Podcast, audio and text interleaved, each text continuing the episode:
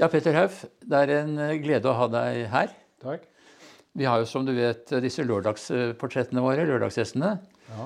på Seilmagasinet og på YouTube og på, også på podkast. Eh, nå prøver vi noe som er litt nytt. Vi vil gjerne ha en litt mer sånn dybdesamtale med dem vi snakker med. ja. Vanligvis er det jo i forbindelse med kanskje en regatta hvor folk har gjort det bra, eller en aktuell situasjon. Du er jo for så vidt alltid aktuell, men nå skal vi prøve, prøve å se Ja. hele livet ditt i perspektiv. ja. Og da må du begynne med hvor gammel er du egentlig? Jeg er eh, 64. Du er 64. ja. Ja. Så jeg har jo seilt siden jeg var eh, Ja, var vel sånn rundt eh, ti år, sånn cirka. Ja. Åtte-ti år. Og det siste jeg hørte fra deg, var at du skulle henge stroppen i ti- år til. Ja, altså jeg har vel seilt Jeg har hengt på utsiden med yngling og soling og starbåt og fem og en halver og Ja, det jeg har seilt, så har jeg faktisk sittet på utsiden eh, i 50 år. I 50 år, Ja. Har aldri hatt problemer med knærne eller ryggen. Altså jeg har jo hatt flaks. Man pleier å få medalje for sånt. Jeg tror ikke kongen bryr seg om det, selv om han burde jo være interessert i seiling. Han burde bry seg veldig. Men eh, altså, du, jeg vet jo liksom litt din opprinnelse, for jeg husker faren din, Lasse, som var veldig ivrig i Oslo Seilforening. Vi var naboer til og med i byen. Og, eh, og du og dine to brødre var, kom ganske fort med. Ja. Eh, Din eldste bror han falt vel litt av etter hvert, men Nils, som var jo kullkamerat av meg på Handelsgym, han ble jo veldig ivrig. Ja, det som skjedde var jo at når far eh, Som jeg ikke vet egentlig hvorfor han kom med i Oslo seilforening, men jeg tror det bare var at han hadde lyst til å være ved sjøen og kanskje seile hvis han fikk det til. Ja. Han kjøpte en kutter som eh, Nils eh, annekterte, tror jeg, ganske raskt. Og da kom jeg lite grann, fikk lov å være med en gang iblant. Og så fikk jeg en A-jolle, tror jeg. Det, for det var, det var noen A-joller på Herberen. Ja. Og da, det jeg husker, det var litt sånn radiobil. Vi seilte A-joller rundt blant båtene og i bøyer og var inni og la det hvite striper både her og der. Jeg tror ikke det var så populært, men, eh, men det var i grunnen begynnelsen av seilingen. Og så var jeg med litt i kutter, og så ble det yngling med forskjellige. Så bare gikk det. Men var det broder Nils som på en måte definerte din rolle i fremtidens seiling? For du har jo da utmerket deg som, eh, som mannskap. Altså du, du, har, du sitter sjelden til rors. Ja, nei, det, det var egentlig litt sånn tilfeldig, tror jeg. i begynnelsen for Nils styrte. Sånn ble det bare. Ja. Og så var jeg med av og til, og jeg var med noen av de andre kutterne. Og, og ja, så ble det bare mannskap. Og sånn det var. Og sånn var det når jeg seilte med jeg, jeg kom ganske, hadde en venn på skolen som het Henrik Melson, som hadde en yngling, og begynte å seile mannskap med han. Ja. Og så traff jeg Hans og begynte å seile mannskap med han. Hans Wang. Eh, Og så, Det ble bare sånn. Og jeg seilte jo mannskap med Nils når han eh, kjøpte seg Eller når vi kjøpte en yngling, da. fru, fruen Maren. Ja, fruen Maren, som var eh, Det stemmer òg. Men din debut som regattaseiler, det var jo med ingen ringere enn Tor Thorvaldsen. Uh, ja, det var vel ikke egentlig debuten, men du kan si at det løftet vel spillet lite grann. Fordi han var jo ikke vant til å bli nummer to, for å si det sånn. Nei, nei, Han ville jo veldig gjerne vinne. Ja. Så jeg seilte jo i begynnelsen IF med han. Og jeg var jo ikke så gammel når vi vant N eller når jeg var med han å vinne NM, vil jeg heller beskrive det sånn. Ja. Og en tredjemann som het Trygve Spilde. Ja. Um, og så var jeg litt sånn hva skal jeg si, litt sånn båtgutt for Thorvaldsen. Ordna litt, var med å pusse opp båt, ordna og fiksa. Og han var jo veldig veldig glad i å være på sjøen, og ekstremt pinlig nøyaktig med alt mulig rart. Så var- alt var jo i førsteklasses orden, for å si det sånn. Han ville ikke ha vann i båten, f.eks. Nei, nei, det, altså, han var veldig opptatt av, av båtens tilstand og sånn. da. Og så var vi, vi seilte litt med han. Jeg seilte med han i IF-en til Marstrand. Og seilte i Marstrand og IF-konkurranse der. For de som ser på dette, og som er yngre, som ikke kanskje forbinder så mye med Tor Thorvaldsen, så er jo han faktisk den norske seileren i efterkrigstiden som har vunnet flest olympiske medaljer. Eller si han har vunnet eh, to gullmedaljer. Ja, Peder vant- har jo en gull og en sølv, men, Ja. men eh, Thor fikk faktisk to gull i drake i 48 og 52. Ja, Og så var han faktisk også med i 36.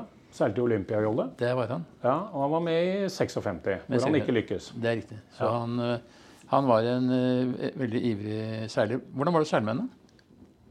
Nei, det, det, Da var jeg veldig ung, og han var jo voksen. Ja. Han var vel omtrent den alderen jeg er nå.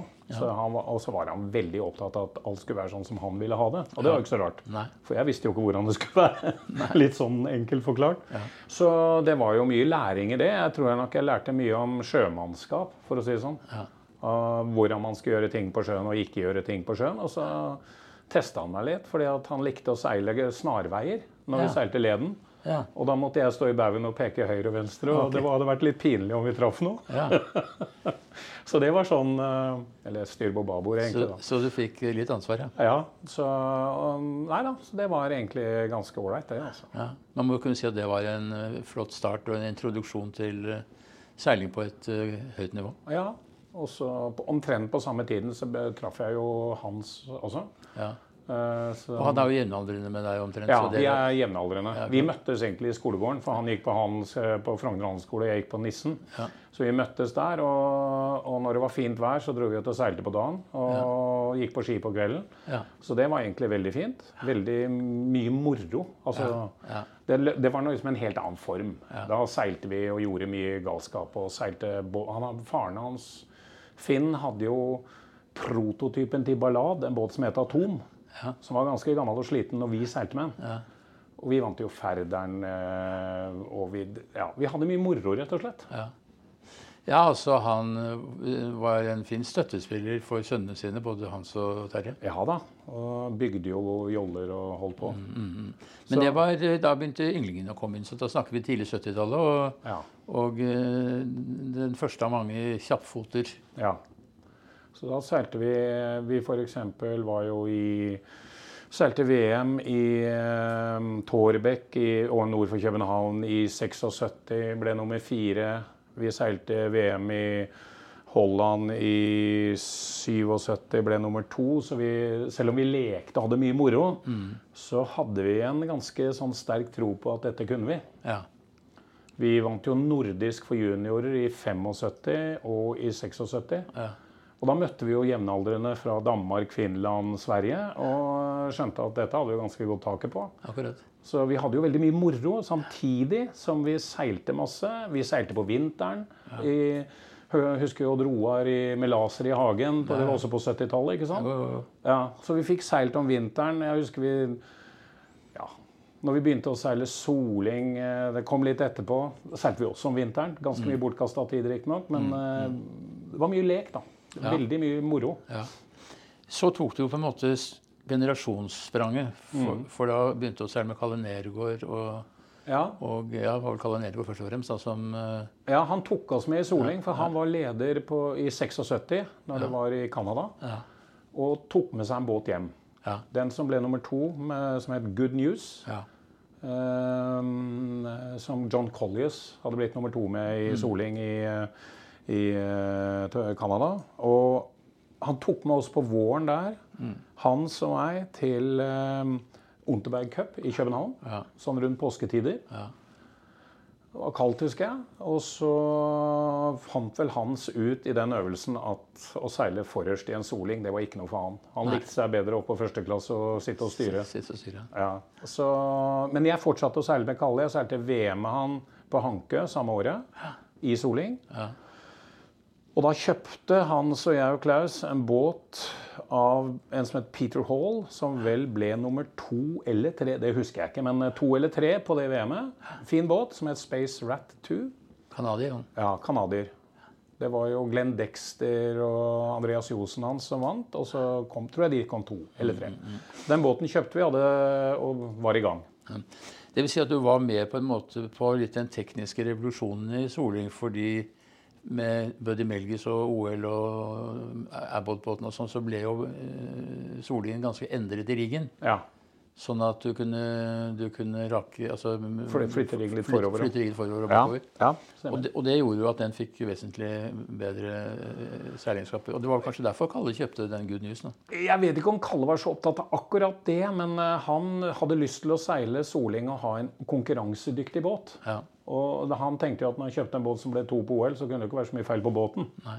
Så det var vel mer der det lå. Og så seilte jeg jo med Kalle av, fra og til eh, innimellom eh, i mm, 20 år. Eh, mens Hans og jeg også seilt sammen. Vi seilte sammen på tur her for 14 dager siden. Ja. Eller eh, en uke siden, faktisk. Så um, Hans og jeg har holdt koken og seilt mye rart sammen. Um, så um, jeg seilte jo med Kalle i mange år, og Kalle og Christian Ja. Nergård. Ja. Og etter hvert med Christian og Kalle ble for dårlige til å seile. Ja. Og så um, etter hvert så har jo da selvfølgelig Christian Han uh, er jo i hvert fall en som hater å bli nummer to. Ja. Så han har jo skaffet seg selvfølgelig yngre mannskap. Skulle bare mangle. Så han har jo uh, løftet sitt spill uh, på et litt annet nivå. Men det var åpnet døren for deg til Bahama-gutta. Ja, når vi seilte fem og en halv, så uh, ble jeg etter hvert kjent med Craig uh, Simonette og, og Gavin McKinney. Um, så da var det jo uh, fem og en halv Jeg seilte ca. ti år med, med Gavin, som er fra Bahamas, bor på Bahamas. Og det var jo også mye moro. En uh, fantastisk snill, uh, sjenerøs fyr som er veldig flink til å seile, til tross for at han ikke seiler så mye. Um, hadde han seilt litt mer, så hadde han jo blitt ordentlig god. Ja. Han har vært verdensmester. Ja da, han har vært verdensmester i fem og en halver og har vært på pallen mange ganger. Jeg var ikke verdensmester med han, men, eh, men eh, vi var jo på pallen mange ganger. Så det var mye moro. Men, mm. så, men nå har vi jo hoppet over mye rart, da. Men, Det er det jeg skulle til å si, at vi har gått litt fort frem her. ja. Nei, altså det Og så var jo Nils ble jo etter hvert uh, litt uh, engasjert på arrangørsiden. Ja. Som jeg ble med på en del ganger. Og så ble det mer og mer av det, så jeg har arrangert ganske mye også. Men f.eks. Star eh, var jo en, eh, en del av seilingen din den gangen. Og at du kom inn i det svenske Star-miljøet med Arvid von Grunewald, greven, og, Ja. og vel egentlig kunne fått deg en karriere som seilmaker hvis du hadde villet. Ja, det vi gjorde var jo at um, i, når vi begynte å seile Soling, så hevdet vi oss relativt bra. Vi hadde sjetteplass i Kiel, vi var fire i Olympic Run-Up i 78. Vi var fire i nordisk. Altså, vi var oppere. Men vi Var, hadde, var, det med, var det med Hans? det var med Hans, ja. Akkurat. Mm. Og så eh, kom Paul Richard og spurte om vi ville flytte til Danmark og jobbe med han. Og trene med han høsten 78. Og det var jo Altså, det var jo en kjempemulighet for oss. Ja. Han hadde jo ubegrensede ressurser på seilsiden. Vi, vi jobbet på seilloftet som vanlig, altså vanlig arbeid som man gjør på Men det var et stort seilloft. da, Det var jo mange titalls personer som jobbet der. Og vi gjorde masse sånn type helt enkel slavearbeid, men vi var også med han å utvikle seil på Solingen. Og det var kjempegøy. Og da hadde vi mange ideer som vi prøvde. Og han var helt med på å prøve. Og samtidig så utviklet vi seiljesk eh, til den første X-en, X79, Ja. som kom på den tiden. Og eh, Så det var mye, mye action rundt det. Og han var jo veldig opptatt av å selge seil, selvfølgelig, som ikke vi var så involvert i egentlig. Men vi dro jo på og seilte på sjøene i Tyskland f.eks. Så jeg var jo seilte på sjøer hvor man egentlig ikke burde seile, for det var så trangt. Det var så mer opp for ikke å hekte fast i trærne enn enn noe annet. Og så var det jo party på seilklubben som var det viktigste. Men eh, det, det, var jo, det var jo liksom eh, å henge med hva Paul Rikard gjorde, da. Men hvis du ser tilbake på den tiden, så kunne jo det ha vært på en måte inngangsporten til et proffseilerliv? proffseileliv. Altså eh, gjennom seilmaker og, Ja, og seile med forskjellige kunder og Ja, gå den og det gjorde vi for så vidt. Og det som skjedde, var jo at uh, Arved fra Grünwald, eller Greven, da, Ja. han kom jo til oss året etterpå, i 79, og sa at uh, uh, dere må jo komme og jobbe i Sverige.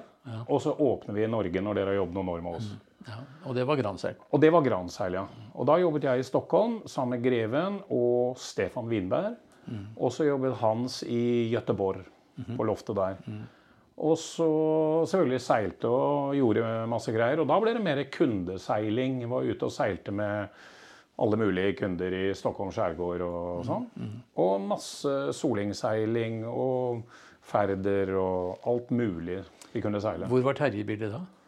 Nei, han gikk vel eh, på skolen, tenker jeg. Ja, han var ikke, var ikke Han hadde jo tatt over ynglingen. Eh, den ynglingen eh, det, var, det var en story med den ynglingen òg, for vi fikk jo en yngling av Bringsvær. Hans, eller Hans, da. Som jeg for så vidt var med på, for vi skrudde den sammen. Ja. Vi fikk en yngling av Bringsvær og fikk lov å ta ut utstyr og gjøre som vi ville. Uh, og det ble jo en sånn vinnende båt som vant alt mulig rart. Ikke fordi at jeg tror båten var så annerledes, men det fungerte veldig bra. Og den tok Terje over når vi gikk over i Solingen. Og så når, kom, eh, og når jeg da kom flytta til Stockholm, så begynte jeg å seile starbåt sammen med Stefan Winberg. Og han kjøpte en båt fra Melges som ble levert i 80. Eh, begynnelsen av 1980, februar-mars, i Bacardi Cup. Så da dro vi til Florida og seilte starbåt, og da så jeg liksom hvor stort det var. Det var sånn pluss-minus 100 båter. Fantastisk miljø på seilklubben. Eh, Bacardi var en sjenerøs sponsor. Eh, det var eh, Ja, det var liksom en litt annen form for seiling. Nå skal jeg foregripe begivenhetene litt, men vi skal tilbake igjen til Ja. der hvor vi er. Men det førte jo til at du ble arrangør av Star Sailing League. Ja, det førte egentlig det at jeg seilte med Gavin McKinney i fem og en halver. Ja. Fordi det gjorde at uh, vi var en del på Bahamas. Mm. Og de trengte rett og slett noen som var litt mer rutinert på å arrangere, altså på å ta Mm. ansvaret på banen. Og de hadde jo masse gode folk, så det var jo en lett jobb for meg. Men jeg var jo der og arrangerte det fire år. Ja. Uh, I 2016, 2017, 2018 og 2019. ja. Og det var jo altså Fantastisk grøte. Ja, fantastisk. Og særlig de første årene. Da brukte jo han Michel, han sveitseren som betalte alle sammen, han brukte jo mye penger. Det var jo et fantastisk fartøy som filmet alt med sånt superdyrt gyrostyrt kamera. Altså det var, det var ikke noen begrensninger. Nei, det var jo en fantastisk vellykket regatta. Ja, også. Så det var litt senere. Det var litt senere. Men, men eh, så var du tilbake 5,5 meter og soling. Mm. Du vekslet litt vel mellom de forskjellige båtene. Ja. Og så var det litt 11 meter innimellom. Ja, med Hans så seilte jeg litt 11 meter også. Ja. Så det var stort sett med Hans som, og Kalle da, som var de du Ja, Hans og Kalle, og vi seilte jo Og når jeg var i Stockholm, så seilte jeg jo en god del med, med forskjellig Mye med Stefan Winberg, da. Jeg var f.eks. med på det svenske OL-kvalifiseringen. Det kunne jo ikke jeg kvalifisere meg til, men vi var jo med på det på våren i 1980. Ja. Ehm, og så eh, Så det var mye starbåt de årene der. Og, og soling litt med Hans. Og så ble det jo litt storbåtseiling. Eh, Hans eh, og en gruppe gikk ut i innkjøp av en halvtonner for Halvton Cup på Hankø. Mm. Den var jeg ikke med på Halvton Cup, men vi seilte den etterpå. Vi var i Halvton Cup i Skottland, i Troon Ja. i Skottland. Vi var eh, og seilte den på forskjellige race. Vi seilte den i f.eks. i uh, Score Race. Ja. Og, um, og så seilte jeg Score Race med en uh, svensk båt i 85, eller hele Skagerrak Cup, som vi vant overall. Med familien Wilson i en båt som het Moonshine. Den husker jeg. Ja, Det var jo kjempegøy. Doug Peterson båt. Ja, det var en Doug Peterson-båt, ja. Og eh, som Bjørn Palmquist, som jeg nå seiler starbåt med, Ja, hadde redesignet litt. akkurat. Ja, og, og selvfølgelig ja, med granseil. Og vi hadde det jo Det var jo fantastisk moro. Ja. Da var far Wilson han sto nede og smurte mat. Og gutta satt på rekka. Ja. Det var et familieprosjekt, eh, kan jeg huske. Ja, det, var, det husker jeg. Det var eh, mor, mor betalte, far var utførende, og gutta lekte. Ja, akkurat. Nei, det var jo en videreutvikling av Eclipse som Ja. vi hadde en periode og seilte mot dem og hadde Ja. store problemer med med å slå dem. Ja. Men livet tok jo også en vending eh, kan du si, i ditt sivile liv. For du bestemte deg altså for ikke å leve av seiling, men du måtte gjøre noe annet. Hva begynte du med da? Hva, hva, Nei, det vi gjorde var jo at uh, Hans var jo veldig innstilt på å uh, starte seilloft i Norge. Jeg var litt sånn mer av uh, Ja, hva skal jeg si? Litt mer Ikke så hot på det. Men jeg var jo med i begynnelsen. Og så begynte jeg på BI og gikk litt på skole, og så tok, traff jeg en gjeng der som eh, hadde startet et selskap eh, eh, som het Unic-gruppen. Det var en gjeng med studenter. Og det hev jeg meg med på. For det var, det var jo midt på 80-tallet, så tok jo PC og alt det der òg. Så det var jo egentlig bare å løpe av gårde og jobbe og ha det moro. Og, og det, det var et sånt selskap som det var fem, fem studenter der som startet det, og etter et år så var det vel 15-20 mennesker. Ja. Og det bare vokste. Ja. Jeg tror ikke vi tjente så mye penger noen gang, men det var veldig høy aktivitet. Hvor lenge var du der, da? Ja, der var jeg til eh, 89. Fra 85 til 4, 85 til 88, 89. Og så jobbet jeg med andre datafirmaer etter hvert. Og familielivet, hvordan gikk det? Nei, jeg giftet meg i 86 med en jente jeg traff på seilloftet. Ja, jeg husker det.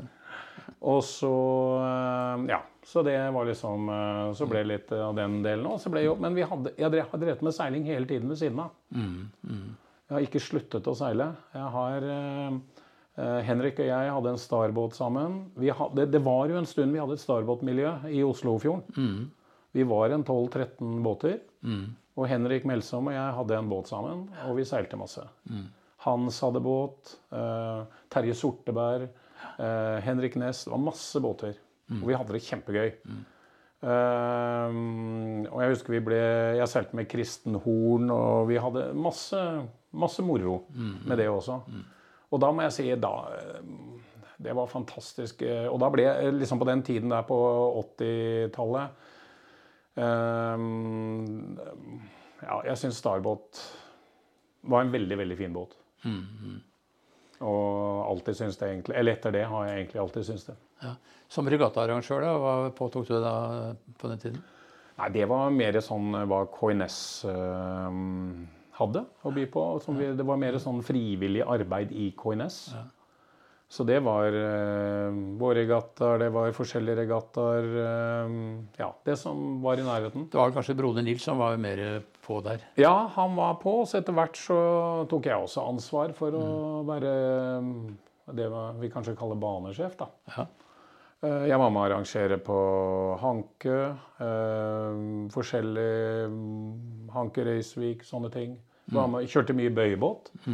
Eh, Så det, for meg er det jo egentlig det viktigste å være ute på sjøen. Og hvis jeg kan seile, er jo det fantastisk morsomt. Sammen med noen hyggelige mennesker. Men jeg syns det er uh, viktig å dele litt på det, og, og arrangere litt også. Uh, for man blir en bedre arrangør av å ha seilt mye. Har du tenkt også på å instruere? Man blir gjerne en bedre, bedre seiler av å instruere også. Ja, altså jeg, har jo, jeg er jo eh, engasjert i KNS nå på sommeren som, eh, som instruktør eller trener, skal man kalle det, for voksne. Mm.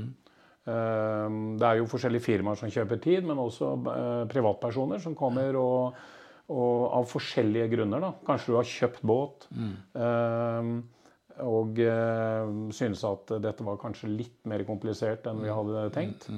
Og kommer og, og vil lære litt mer om seiling.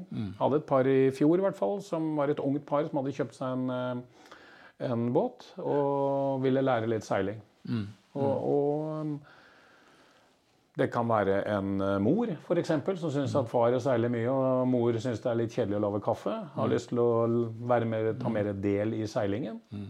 Så det, det er veldig forskjellig Så hvis noen, motivasjon. hvis noen trenger en erfaren instruktør som kan ta liksom på, på personlig plan, er du da tilgjengelig for sånt? eller? Ja, jeg har gjort det en del. Ja. Det er egentlig ganske artig. Og da må man jo ja, begynne med basic og kjøre videre. Og prøve å avdekke hvor man er i, i, um, si, i kunnskapsnivå. Da. Ja.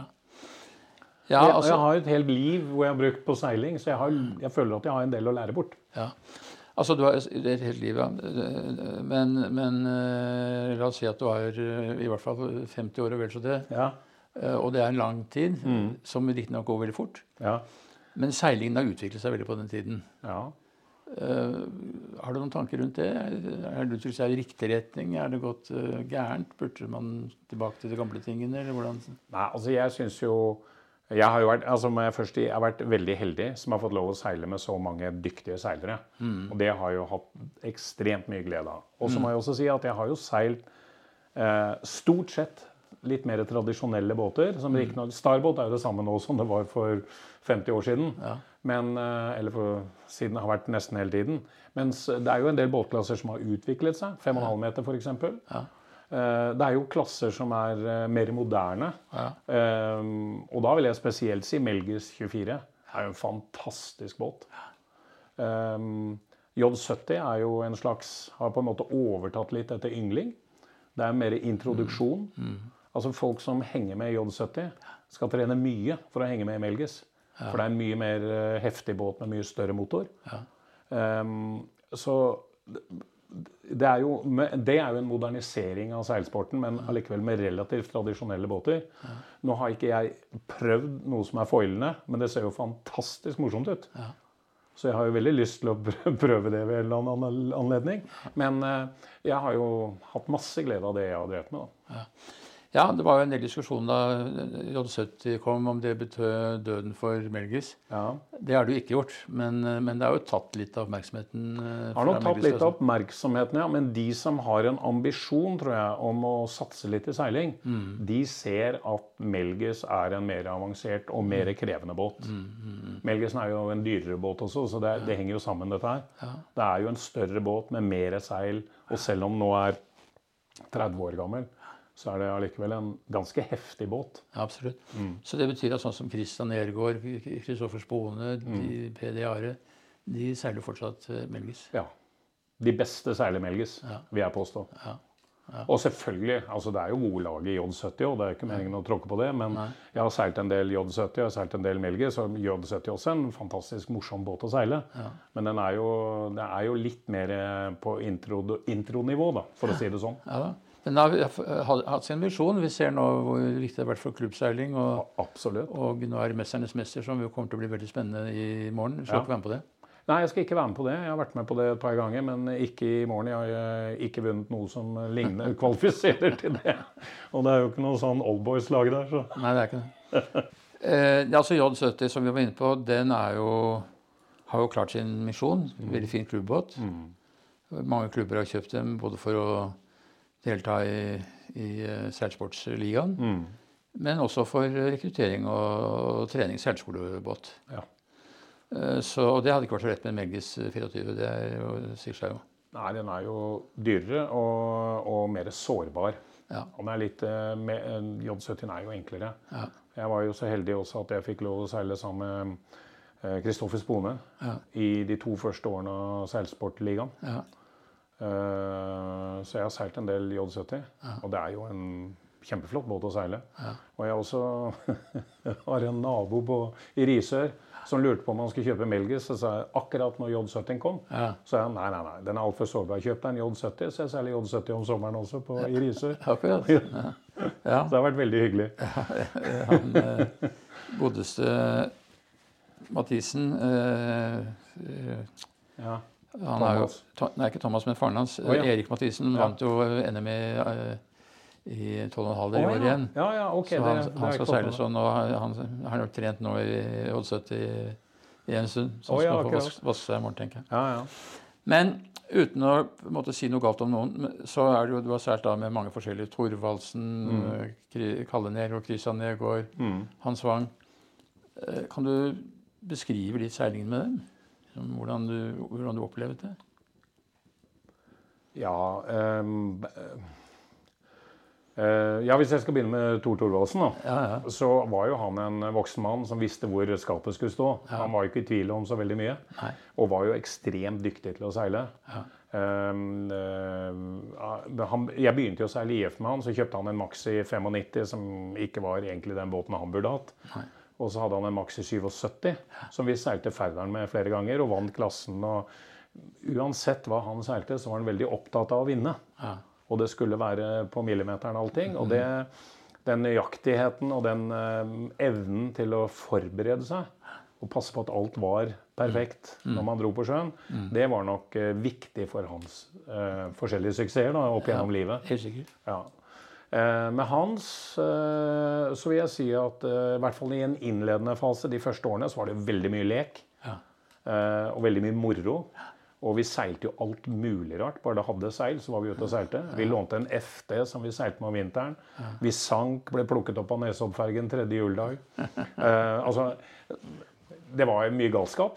Vi var jo konsekvent underfinansiert når vi seilte Soling. Vi hadde jo knapt penger til å bevege oss. Men det var mange snille mennesker som hjalp oss. Og vi kjørte taxi om natta for å spe på budsjettene. Så det, det var jo egentlig galskap. Eh, men, men med Hans, han har et eh, Eller i hvert fall har hatt Han har jo det ene, han er skikkelig flink til å seile. Et eh, veldig stort talent og, og veldig Den gangen veldig målrettet. Han, han så forover, han visste hvor han ville. Men det var ikke så lett å komme dit, for det var jo mange hindre på veien. Blant annet økonomi. Eh, med Kalle var det jo litt annerledes. Han var jo en sånn eh, seiler som hadde seilt i mange, mange år. Og var veldig mye følelse. Veldig mye sånn Kjente om det var riktig. Eh, hadde jo en evne selvfølgelig til å ha godt utstyr og alt det der. Det var jo ikke liksom budsjettproblemer sånn sett. Eh, og var ekstremt snill og hyggelig mot meg i alle de årene jeg har seilt mot ham. Veldig sjenerøs person. Um, Christian, sønnen, han var jo eh, fra tidlig egentlig ganske bestemt på hvordan ting skulle være. Og er jo en som virkelig hater å bli nummer to. Altså Han har en vinnerskalle. Han har jo Hvor mange medaljer har han i EM og VM? Det er ganske mange etter hvert, i forskjellige klasser. Ja, Særlig 5,5 meter. da. Ja, Men også han har jo blitt to i Melges i VM. Det er jo ikke helt gærent, det heller. Nei ja. Og han har jo gjort det bra i yngling. Så han er jo Han, han har jo prøvd seg i soling også. Ehm, og, og, så han er jo en ekstremt dyktig seiler. Han er jo en som blir litt forbanna når han ikke vinner. Ja. Ehm, så jeg har et par bilder i hodet. Vi var i uh, Croesti, var det vel. Det var en sånn fantastisk dag hvor vi lå og sloss mot Pachot, som seilte da fem og en halver i det VM-et. 1994. Ja, det må ha vært noe sånt. Og ehm, vi ble hårfint slått av Pachot. Det betydde ganske mye for sluttstillingen i det VM-et. Og jeg husker Christian var så vanvittig forbanna. Jeg var, det var en fantastisk dag. Det var kanskje en av de fineste dagene du kan ha på havet. Sol, vind, sjø. Det var liksom sånn Jeg har et bilde på veggen hjemme som viser hvor flott det er. Og eh, jeg tenkte Fantastisk opplevelse. Jeg holdt jo på å få juling av både Christian og Kristen, for de var jo så sinna fordi de ble to. Mens jeg var mer sånn Hvilken fantastisk opplevelse at vi får være med på dette her. Vi er jo helt på toppen av pyramiden, liksom. Vi bare gleder oss. Nei, det holdt jeg ikke for Christian. Sånn, han er jo en helt annen Han vil vinne. Og han er jo en meget sympatisk person, så det er jo ikke, det er jo ikke der. Men han er bare så oppsatt på å gjøre det bra. Men det må til, eh, uansett hvilken sport man driver. Du må Absolutt. være absolutt besatt av å vinne. Ja, du må, viljen må være der. Og han er jo superflink til å få med seg gode, gode folk. Ja. Og han er jo også flink til å, til å få folk inn altså, som kanskje ikke, ikke hadde seilt fem og en halv for den saks skyld. da. Han har jo hatt med seg Anders eh, Pedersen f.eks. Han har med seg en som heter Johan Barne, en svenske som har seilt fem og en halv. Som er jo en fantastisk mann. Så han er flink til å få med seg riktige folk. Det vil jeg si. Jeg kjenner jo både jeg jo Kalle og, Kristian også. Ja. De er jo veldig gode og miljøskapere. Ja, absolutt. De bidrar. Ikke sant? Og ikke Ja. minst, det er jo utrolig viktig. Ja. Kanskje ikke for enkeltresultatet, Nei. men liksom for å få det i gang. Ja. Og, og, for å få en litt bredde i, i seilingen. Ja. Så det er, eh, det er utrolig viktig. Men Og, og også, jeg har jo seilt med Gavin, ja. Eh, som er en, også en veldig sjenerøs person. Veldig flink til å styre. Ja. Eh, og også fordi han er en eh, god person, så får han jo med seg relativt gode folk. ja. Så Jeg har jo vært seilmann lenge, så skal, det var ikke meg jeg tenkte på. Det var, men han har hatt med seg mange gode nå, sånn som Lars Horn Johannessen og, og Mathias fra, fra, Dalman, ja. ja, fra, ja, fra Åland. Ja. Nå har han jo kjøpt ny båt. Du ser relativt ny båt. Ja, han eh, kjøpte litt fra lageret til Christian. det er hyggelig, det. Ja. Ellers har jeg faktisk seilt med Petter Fjell i fem og en halv år også. Ja. Og han er også en som er med og skaper og, og gjør ting. Vi seilte VM i Kaos i 2018. Vi har seilt på Garda. Vi har eh, av og til hevdet oss helt i toppen, av og til nesten. Men han har jo f.eks. bidratt og vært med veldig for å skape et uh, Finnjolle-miljø nå. Ja. de siste ti årene. Så um, nei, det er mange gode folk som gjør mye for å skape miljø. Jeg må fortelle en liten historie angående Petter Fjell. Det er jo deg som skal intervjues, men jeg tillater meg litt. Ja, ja, selvfølgelig. Fordi vi seilte sammen i VM på i cruise i eh, 1994. Ja, ja, stemmer det. Og så skulle vi kjøre denne 5,5-meteren hjem til Norge. Ja. Eller vil si kjøre den til Kielfergen. Og Ja. så kom vi forbi Paris, og så spurte jeg har du vært i Paris noen gang. Ja. Nei, den har aldri vært. Nei. Så vi må, da, okay, da må vi kjøre innom Paris. Ja. Så vi kjørte da inn i Paris med denne svære 5,5-meteren på slep. Rundt omkring i små gater og Champs-Élysées og rundt på Plaster til La Concorde. Og så kom vi selvfølgelig bort til en fortaukant. Ja. Så hjulet på denne, på den hengeren det eksploderte. Oh, ja. Så vi måtte sette igjen 5,5-meteren der og finne et sted å bo om natten. Og så måtte vi få et nytt hjul dagen etter. Og så var gatene var fulle av politi. Så jeg sa er det greit, kan den, den stå der? Ja, sa de gutta. Vi har mer alvorlige ting å eh, ta, på, ta vare på, for vi fanger sjakalen. Å,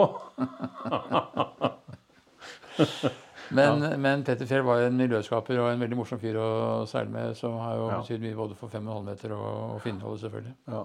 Så, nei, det, vært, det som jeg sa i sted, jeg har jo vært heldig som har fått seile med så mange Jo, men det må du takke deg selv. ikke sant? Du, du er god til å seile, og du er en likandes kar, så de hadde jo ikke giddet å ta dem hvis ikke de Nei, det, det er klart man, man eh, gjør jo noe selv også. Men, det. men det er jo litt flaks innimellom og litt Mm. heldig og sånn. Og så har man, eh, skaper man noe sammen. Mm, Så Men du må ha brukt ganske mye tid på dette her, og sikkert litt penger også, så det er jo liksom, det er en bevisst ja satsing på, på denne hobbyen, da, som er en viktig del av ditt liv. Ja, altså jeg må jo si at så lenge jeg har seilt med sånn som Kalle og Gavin og sånn, så har det jo ikke kostet meg så mye. Nei. Det er mer de prosjektene hvor man har vært mer direkte engasjert, sånn som å ha en egen starbåt og sånne ting. Eh, men jeg har jo hatt mye flaks der òg.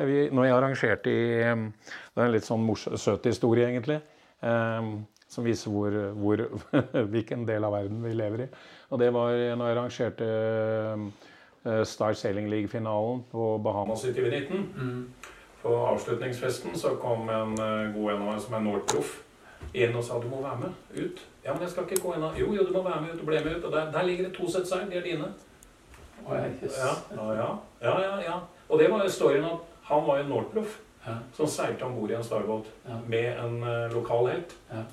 Ehm, og eh, han hadde kvantumseil i kassen. Og det kunne han jo ikke bruke når Nordproff med seg, for han måtte jo da kjøpe Nordseil. Og så hadde han ikke noe sted å gjøre kvantumseilene. De var helt nye, så jeg fikk to sett. Helt nye seil. Så eh, apropos det å ha liksom litt flaks og, og få med Og han gjorde jo det også selvfølgelig fordi at jeg var der og arrangerte, og det er jo frivillig sak man driver med. Så, så det er jo hyggelig sånn at eh, folk setter pris på det. Ja. At man stiller opp. Du, har, du sier at du har truffet mange hyggelige mennesker når du er ute og seilt. Og alle som har seilt internasjonalt eh, Jeg har også gjort det, jeg bodde i utlandet en periode. Hvordan vi blir tatt imot. Altså i seilforeningene i Amerika og til til og med i Japan hvor jeg bodde. Nordmenn nød en utrolig gjestfrihet hvor vi enn var. Og jeg har av og til tenkt at vi er ikke like flinke til å øh, vise gjestfrihet øh, i Norge, slik som vi mottok. Nå er nok kanskje Hanke etter hvert blitt et unntak, for der er det mye som skjer for, for seilere når de kommer hit. Men øh, vi viger nok litt etter sånn med ja, aftersailing og Ja. sånn miljøet rundt selve Ja, det, det mm, kan jeg være enig i. Selv om eh, jeg må si jeg har prøvd hvert fall, til å åpne min, eh, mitt hus til Ja. folk som har vært her hos seg. Ja. Så jeg, vi hadde jo soling-EM her for en del år siden. ja. Da bodde jo Jungblot hjemme hos oss. Og det, liksom, det, det syns jeg er viktig å prøve. Det løser jo ikke så mange Mm, Jo, men det er et bidrag, og det, Ja. det skaper det der å ha folk boende privat. Det er Ja. alltid veldig hyggelig. Ja, det er, Og så lærer man av det også. Det jo, blir jo diskusjoner og snakk og morsomheter av det. Ja, ja, for all del. Og det med Jungblot er litt moro, fordi vi var eh, og seilte i Alassio på vinteren. Og vi seilte Soling en gang, og han var der for å trene før selve regattaen. Så vi seilte, trente mot hverandre. da. Ja. Og da seilte vi med våre egne Grand-seil og gikk minst like fort som han, som hadde Nordseil. Ja. Og så spurte han liksom hvor de seilene kom fra. Nei, det er bare noe treningsseil vi har laget. Vi skal bruke Nordseil i regattaen. Ja. Og da lo han godt, da. For han var jo North Service-seilmaker i Hamburg. Så um, nei, det er mange, mange rare sånne opplevelser underveis. Men, eh, men du eh, fikk altså noe seil fra en hyggelig mann, og Ja. det ble en båt til deg også. Det er jo selvfølgelig litt eksepsjonelt, men, Ja. men, men det er jo utrolig hyggelig når sånt eh, skjer. ja. Men nå har du liksom hooket opp med en svensk seiler, eh, Palmqvist. ja Bjørn Palmquist. eh, Og det er en interessant historie, fordi hans familie ja. De eide jo denne båten som en Galeian, Ja. Draken. ja, de har den ennå. De har den ennå, ja. den fikk olympisk gull i Ja. 1956. Ja, og hans far seilte mannskap om bord i den. Ja. Um, og jeg traff Bjørn på femklubbsregatta, som er en sånn Uh, ungdomsaktivitet som går på rundgang, eller har i hvert fall gjort tidligere. Jeg vet ikke hvor aktivt det er nå. Mellom uh, KSSS, GKSS, NJK Nei, GKS, jo, GKSS, KSSS, NJK og KDY og KNS. Og vi var da i, eh, i København. Skåshoved. Det tror jeg var første gangen jeg møtte Bjørn. Og han var jo med å seile yngling vår, tror jeg, i 76, eh, hvor vi vant. Så jeg har et bilde hjemme. Jeg kjenner ikke igjen noen av oss. Det er liksom så stor forskjell til nå. Og så var han også eh, involvert i granseil eh, i Gøteborg, for han er fra Gøteborg. da. Og vi eh, møttes jo da i den tiden òg. Og han hadde en starbåt, så jeg seilte mannskap med han i starbåt. Og, ja, og så har vi seilt sammen. Han var jo også involvert i Moonshine. Ja. Han var, eh, han var skipsingeniør fra Gøteborg. Og eh, optimaliserte den båten underveis. da. Så flytta masten og kjøl og ror og masse greier. Ehm, så da seilte vi sammen, og så har vi seilt sammen litt sånn fra og til. Det har gått ti år mellom hver gang, liksom. Og så mm, nå eh, dro vi til eh, I 2019 så dro vi til eh, Stockholm, seilte på Baggen. Oktoberpokalen, som er en tradisjonell starbåtregatta der. Eh, som har base på Sune Karlssons båtvarv. Nå er det jo Leffe, sønnen, som driver det. Og som bygger starer nå også. Ja. Sune har jo bygget Trebåter? Nei, ja, han bygde jo, Sune bygde jo trebåter, men plastbåter også. Eh, men nå er det jo Leffe som bygger båter. eh, Og i 2019 så lånte vi bare en båt. Lånte seil, lånte alt mulig rart. Og det fant vi ut at dette burde vi gjøre mye mer. Ja. Så i februar eh, 2020 så kjøpte vi en båt, men den fikk vi jo ikke brukt så mye da pga. covid. Nei. Så vi, første gang vi brukte den, var faktisk Eller som Bjørn og jeg brukte den, det var eh, i oktober, eller september-oktober eh, i fjor. I 21.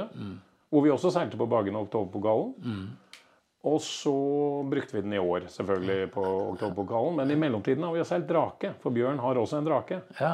Så vi var i San Remo i oktober i fjor og seilte drake. Og vi har seilt eh, dansk mesterskap i våres. Og vi seilte svensk mesterskap i august i Marstrand. Og Hans Wang var på fordekk. Okay. Ja. Og Hans Wang mente måtte stå dårlig til med svenskene når de ropte inn en gammel nordmann for å gi dem på fordekk. Så Men nå har du og Bjørn dere har en starbåt sammen som Ja. dere skal seile med. ja. Som er stasjonert i Den står i Göteborg. Göteborg, ja. ja. Og så- og så skal dere over og seile Bacardi Cup, skal dere ikke? Jo, det tror jeg Petter Fjell kommer til å gjøre. Ja. Eh, og så kommer, eh, har Bjørn og jeg snakket om, å seile Midwinters eller Masters eller noe sånt. Det er jo en sånn vinterserie i Florida for starbåter. Ja. Eh, hvor det går masse, mange helger og noen uker. Eh, og da er det bl.a. Masters. Da må du være rormann og være over 50 år. da. Så er det Masters, Grandmasters osv. Ja. Jeg ser jo nå på Bacardi Cup og disse starbåtregattaene at det er veldig mange eldre seilere som eh, er på topp. Ja. Åge Diaz, eh, Paul Cayard, Ja, ja. masse andre. Så den, det er jo en klasse som holder koken.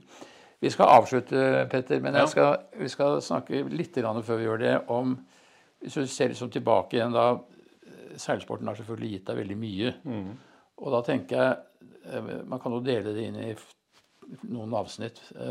Én ting er liksom det competitive, det å kappseile og seile regatta og få utløp for eh, noe der. Men, men det andre er selvfølgelig det sosiale, alle de hyggelige menneskene man møter. Og vinner kanskje ikke så viktig, men, men det, det sosiale før og under etterpå. Hvordan vil du veie de tingene mot hverandre? Ja, mot hverandre. Jeg vet ikke. Det er, eh, det er jo en viktig del av seiling. En viktig del av den type aktiviteter. da. Om det er seiling eller alpint, for den saks skyld. Ja, ja. det, er jo, det er jo viktig med det kameratskapet, eh, sosial omgang, eh, alt det der. Eh, og når man reiser et sted, så er det jo fordi man En del selvfølgelig for seilingen, men det er jo for å møte alle de gode vennene man har gjennom et langt liv. Ja. Absolutt. Det er jo viktig. Og man møter alltid noen. Ja, absolutt. Og det er eh, fem og en halv meter, som jeg da har seilt i ganske mange år, er jo masse hyggelige mennesker mm. man møter om igjen og om igjen. og Denne gjengen fra Bahamas, f.eks., som har vært på Hankø veldig mye opp gjennom årene. Masse hyggelige mennesker. Masse historier. Altså, tar jo aldri slutt. Vitser og historier og morsomheter og, og god vilje. Gode mennesker med god vilje. Det må bli bra. Ja, ikke sant. Ja. Det kunne vi også gjøre. Vi kunne sitte og prate uendelig med gode historier og, og ting som du har opplevd. Ja. Men vi avslutter nå, så jeg sier tusen takk for at du kom. Takk Ja, for veldig hyggelig. hyggelig samtale. Mm. Tusen takk, Mikkel. Veldig hyggelig.